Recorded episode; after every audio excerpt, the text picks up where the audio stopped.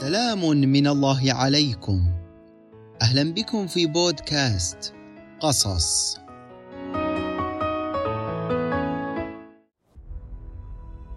في بلد لم يعرف سوى السلم والمحبة من قديم العصور خرجت النساء تحتطب في أمان واطمئنان. فكانت مجموعة من النساء يجمعن الحطب في البر. وتلقي كل واحدة ما بجعبتها من آخر أخبار الفريق. كن ولن أظلم النساء إن قلت ولا زلن أقوى وسيلة إعلام في الدنيا. وبينما كانت النساء تجمع الحطب لاحظن مجموعة من الإبل تقترب منهن فتنحين على جنب الطريق. تقدمت الإبل مجموعة واحدة. ووقف راعيها للنساء. تفحص وجوههن بقلة حياء. فوقعت عيناه على إحداهن وكان عليها مسحة من الجمال. ودون مقدمات طلب أن يفعل الخنا معها وإلا فعل بهن جميعا وصنع. خافت العفيفة أبت وتمنعت فاجتمعت النساء حولها وأسررن لها وقلن أقبلي عليه والله يكفينا شره. تقدمت المسكينة خطوات. وأخذها الشيطان بعيدا عن بقية النساء. جلس منها مجلس الرجل من المرأة ولكن هجمت عليه إحدى النساء وقطعت رجولته بمحشها فصرخ. وخر مغشيا عليه وتركوه يخور في دمه وعادوا إلى القرية ولم يتكلمن بشيء مما حصل لأحد. لم تنتهي القصة هنا.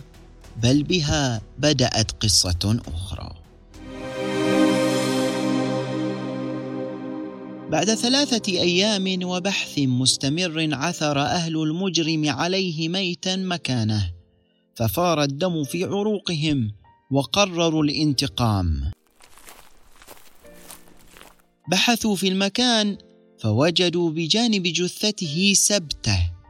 وهي شبه حزام تشده المرأة في وسطها وعليها زري وذهب كانت سقطت من العفيفة التي أراد الرجل أن يفعل بها السوء. عقد أهل القتيل العزم على الانتقام من قتلة ابنهم ورسموا مخططا خبيثا لنيتهم.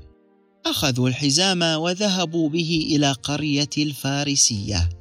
جابوا الطرق حاملين الحزام يسألون عن صاحبته ليعيدوه إليها بعد أن وجدوه ملقا على قارعة الطريق.